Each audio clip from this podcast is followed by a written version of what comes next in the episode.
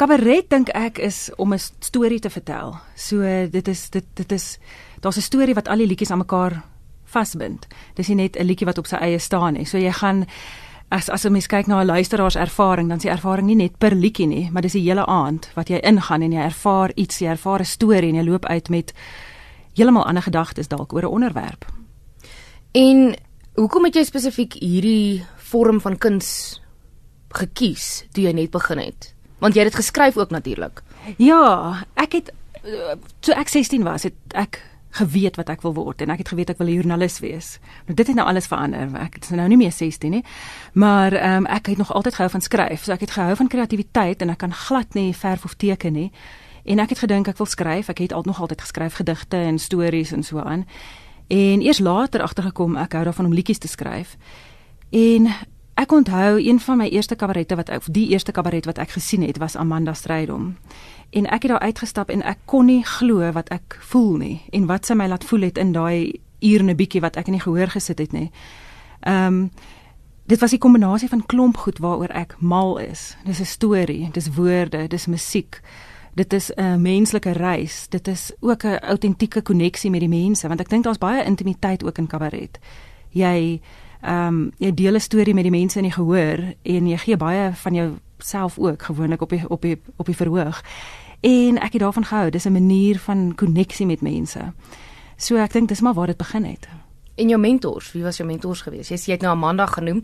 Ek moet sê dit was ook een van my eerste kabaret ja. ervarings gewees en nou nog as ek terugdink, dan ja. is dit die een wat vir my uitstaan, maar sal jy sê sy het jou werk beïnvloed of wie was jou mentors gewees?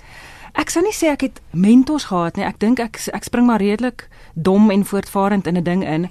Ehm um, een van my gunsteling sê goed is hoe moeilik kan dit wees? Hmm. Want ek so dink ek ek kan my eie stortsekrane vervang tot my groot konsternasie in die huis en alles was nat geweest maar op dieselfde manier dink ek altyd hoekom probeer mense dit nie net nie en dan leer jy maar uit jou eie foute uit so my eerste kabaret weet ek het ook nie aangehou met kabarette nie ek het dit gedoen nog steeds het ek 'n storie wat om my liedjies gaan maar ek sou ook nie eers sê dis kabaret nie want ek dink nie mense kan dit vergelyk met die goeters wat mense soos Amanda Strydom doen nie Maar ek mens leer ek het maar geleer uit my foute uit. So ek dink my foute was my mentor. My eerste kabaret was vreeslik hoogdrawend geweest oor ehm um, Einstein se relativiteitsteorie wat ek omgesit het in liefde, jo. want ek het gedink die liefde is ook maar relatief, jy weet, en keuses wat jy maak. Die ding wat my gefassineer het was Einstein het gesê daar's daar's 'n kosmologiese konstante wat alles bymekaar hou. Die wêreld is besig om uit die universe is besig om uitmekaar uit te spat. En hy het 'n leuen opgemaak om dit aan mekaar te hou want in sy kop het hy gesê God will not play dice with the world. En vir my was dit liefde want ek het gedink wat hou my lewe aan mekaar of wat hou my menswees aan mekaar en dis liefde. So my storie wat ek daaroor gebind het was liefde. Maar dit was so hoogdrawend wat ons daar uitgeloop het en my ou skoolvriende het vir my gesê, "Waar kom jy aan hierdie goed wat jy so uit jou duim uitsuig?" So ek het ek het ek het geleer uit my foute. Het dit jou album beïnvloed? Die manier van skryf, 'n manier na musiek kyk en jou stories wat jy vertel deur jou musiek? Definitief. Ek dink nog altyd as ek ook dink wat was my eerste invloede van musiek waarvan ek regtig gehou het. Ehm um, het ek is ook maar as my 16 is, ek dink 'n mens begin of ek het begin bewus raak van liedjieskrywers toe ek 16 was en ek onthou baie goed. Ek het Suzanne Vega vir die eerste keer oor die radio gehoor. Daar was daai tyd op 5FM was daar 'n top 40 of so iets. En toe hoor ek um, Suzanne Vega se se een liedjie en toe begin ek luister na hierdie Amerikaanse liedjieskrywers. So daar was Tracy Chapman, ehm um, Tori Amos later, Sinead O'Connor, Suzanne Vega veral, ehm um, Sting.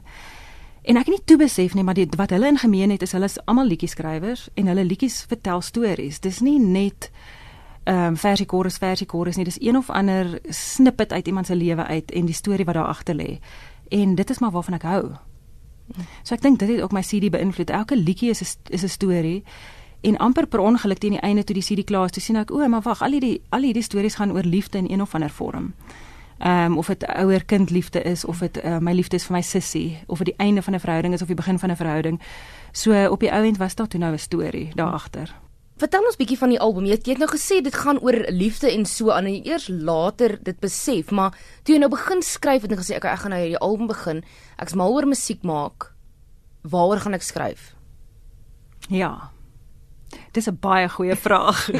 Want waar kom dit vandaan? Ek dink mense is of ek is, laat ek nie vir algemeen nie. Ek is ek is soms bang dat 'n mens uit idees uit gaan uithardloop want wat as daar nou nie 'n volgende liedjie is nie of wat as daar nie 'n volgende idee is nie.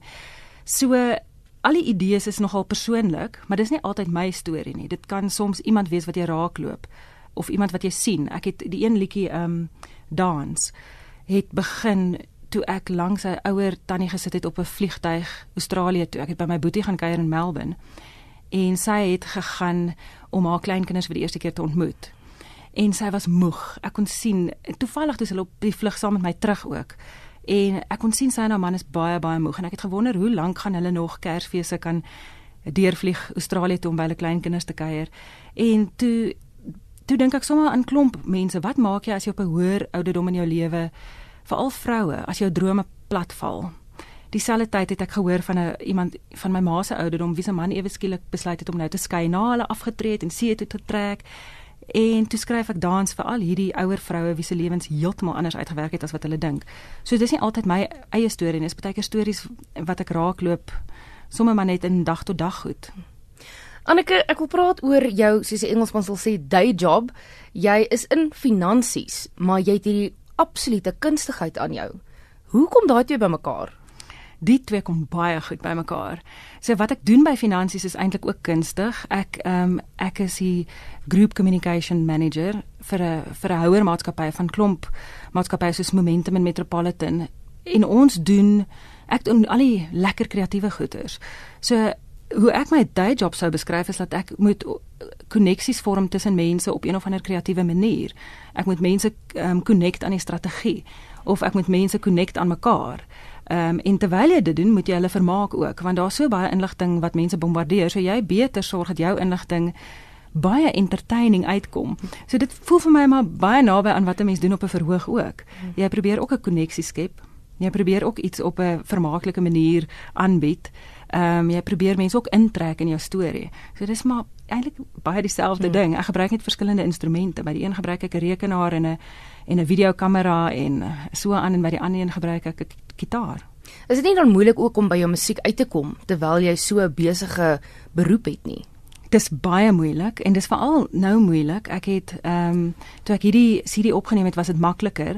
Maar ehm um, intussen tyd 2016 is is op hierdie stadium nie is musiek glad nie my eerste fokus nie want ek was baie gelukkig om 'n goeie geleentheid te kry by die werk en ewe skielik werk ek baie harder.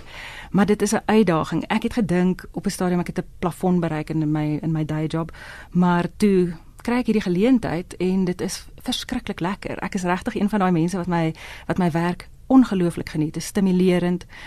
En die snaakse deel is dat die ek dink die musiek en die werk voed mekaar op 'n manier want ehm um, ek bring baie kreatiewe idees in die werkplek in Ehm um, dikwels vra mense my om om konsepte of metafore uit te dink vir hoe ons goed gaan kommunikeer.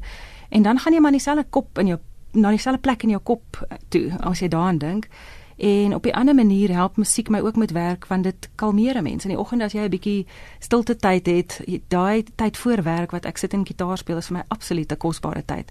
Teen die tyd wat jy werk toe gaan het jy 'n letterlike lied in jou hart. Toekomsplanne vir jou musiek as jy nou kan tyd kry om om musiek te maak. Jy het die album uitgebring in, in ja. 2013. Jy het nie baie tyd om te skryf nie, maar is daar planne vir nog musiek van Annika af?